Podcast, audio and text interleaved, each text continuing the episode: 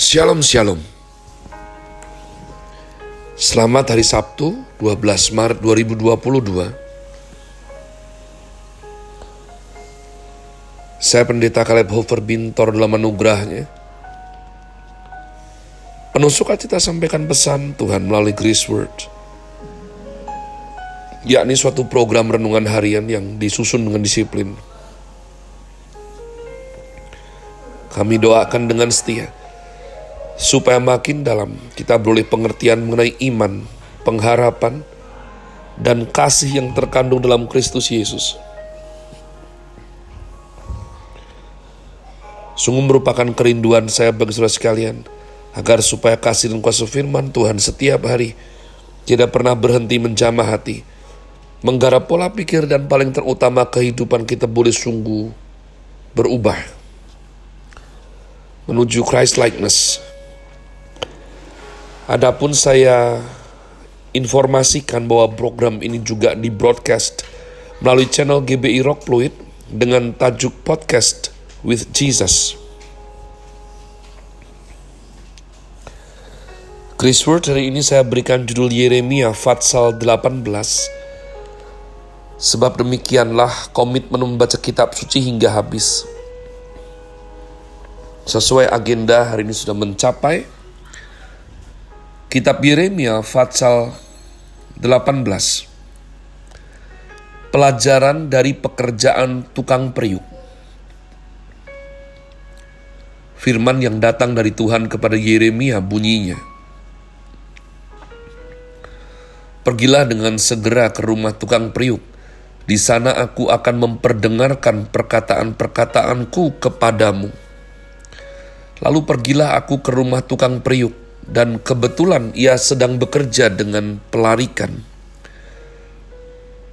Apabila bejana yang sedang dibuatnya dari tanah liat di tangannya itu rusak, maka tukang periuk itu mengerjakannya kembali menjadi bejana lain, menurut apa yang baik pada pemandangannya.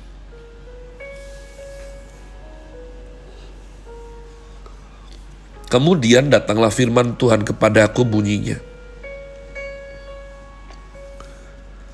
Masakan aku tidak dapat bertindak kepada kamu seperti tukang periuk ini, hai kaum Israel? Demikianlah firman Tuhan sungguh. Seperti tanah liat di tangan tukang periuk, demikianlah kamu di tanganku, hai kaum Israel. Ada kalanya aku berkata tentang suatu bangsa, dan tentang suatu kerajaan, bahwa aku akan mencabut, merobohkan, dan membinasakannya. Tetapi apabila bangsa yang terhadap siapa aku berkata demikian telah bertobat dari kejahatannya, maka menyesalah aku bahwa aku hendak menjatuhkan malapetaka yang kurancangkan itu terhadap mereka.' Ada kalanya aku berkata tentang suatu bangsa dan tentang suatu kerajaan, bahwa aku akan membangun dan menanam mereka.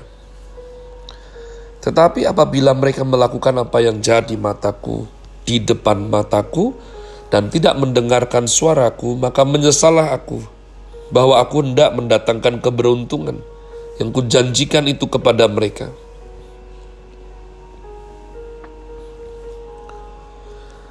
Sebab itu katakanlah kepada orang Yehuda dan kepada penduduk Yerusalem, Beginilah firman Tuhan. Sesungguhnya aku sedang menyiapkan malapetaka terhadap kamu dan merancangkan rencana terhadap kamu. Baiklah kamu masing-masing bertobat dari tingkah langkahmu yang jahat.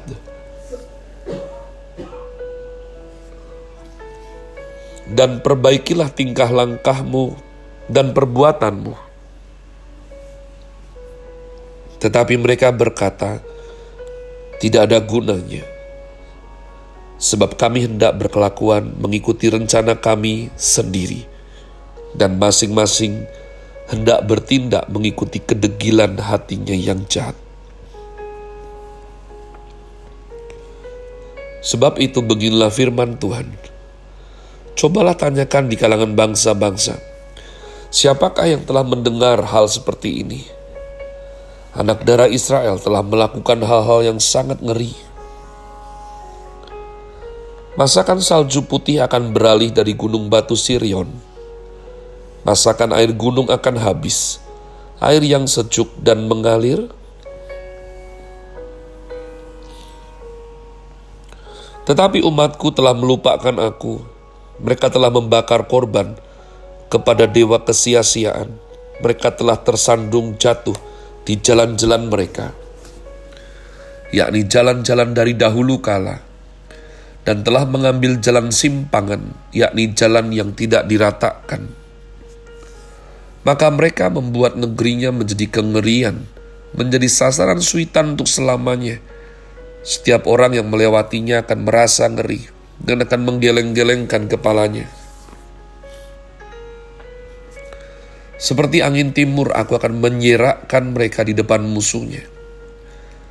Belakangku akan kuperlihatkan kepada mereka, dan bukan mukaku pada hari bencana mereka.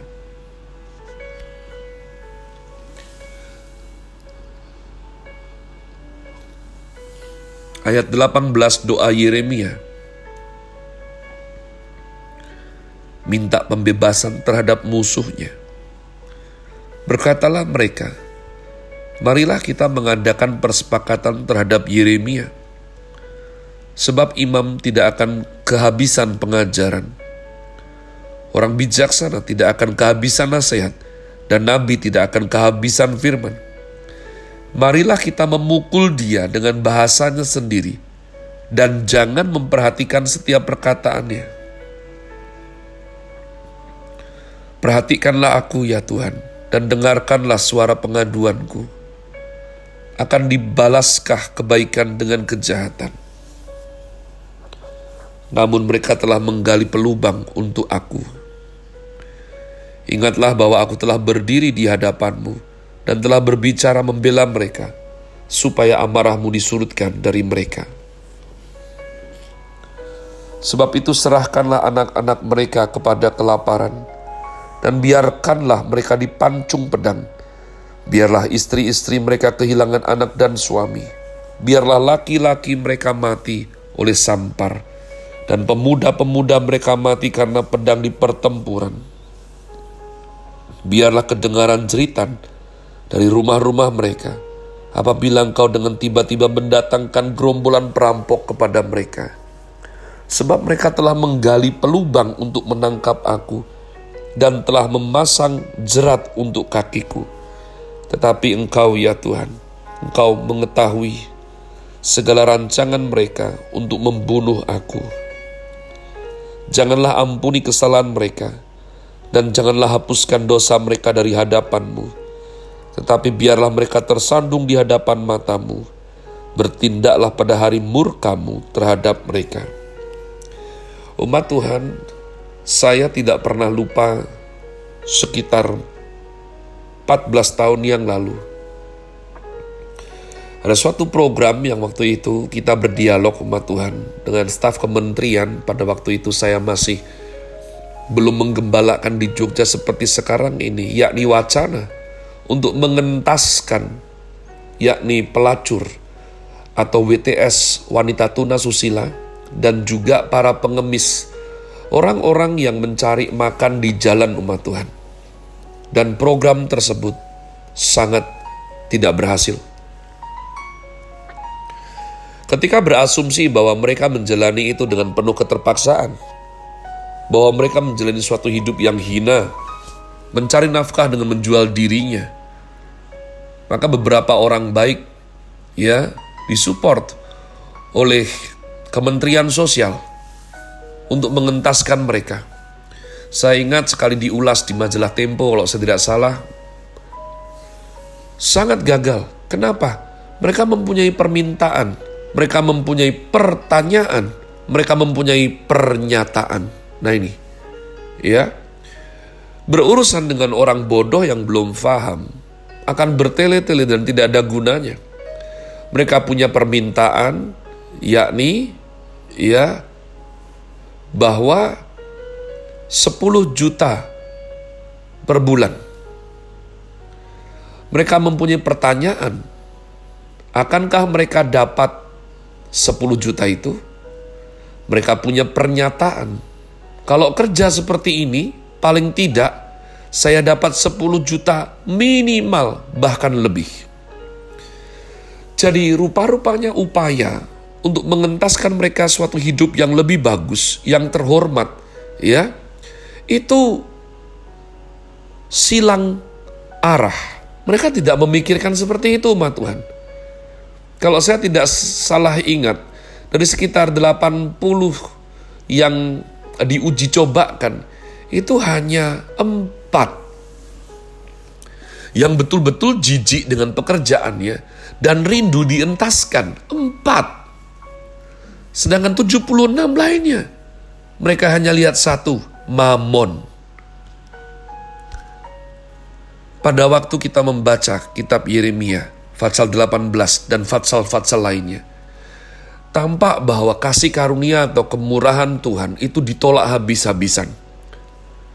Mereka sudah mengalami suatu proses di mana mereka itu kehidupan buruk sekali, kelaparan, dijajah, dihina, dibunuh, ya, dan sekarang mempunyai ancaman yang lebih besar untuk ditawan, untuk dihancurkan suatu bangsa dari utara, dan mereka tidak peduli. Tuhan melalui Yeremia sudah berkata, ingatlah nenek moyangmu, artinya suruh belajar sejarah. Tidak peduli lagi. Dan sekarang mereka justru mau menjahati Yeremia. Saya bersuka cita dengan apa yang kita baca hari ini. Ada saatnya umat Tuhan. Memang mereka harus dibenturkan kepada kenyataan sebab itulah cara belajar orang bodoh. Orang bodoh yang malas, cepat atau lambat akan menuju menjadi orang jahat. Dan Yeremia menyerahkan mereka akhirnya kepada murka Tuhan. Saya berdoa sungguh supaya kita dijauhkan dari roh yang bebal, roh yang keras kepala. Setiap kali kita berproses membaca ini, selalu ada tertera mereka mau mengerjakan kedegilan hati mereka sendiri. Artinya apa? Mereka nggak mau dinasehati. Mereka tidak mau dengar firman. Mereka mau mengerjakan jalan mereka sendiri. Have a nice day. Tuhan Yesus memberkati saudara sekalian. Sola. Grazie.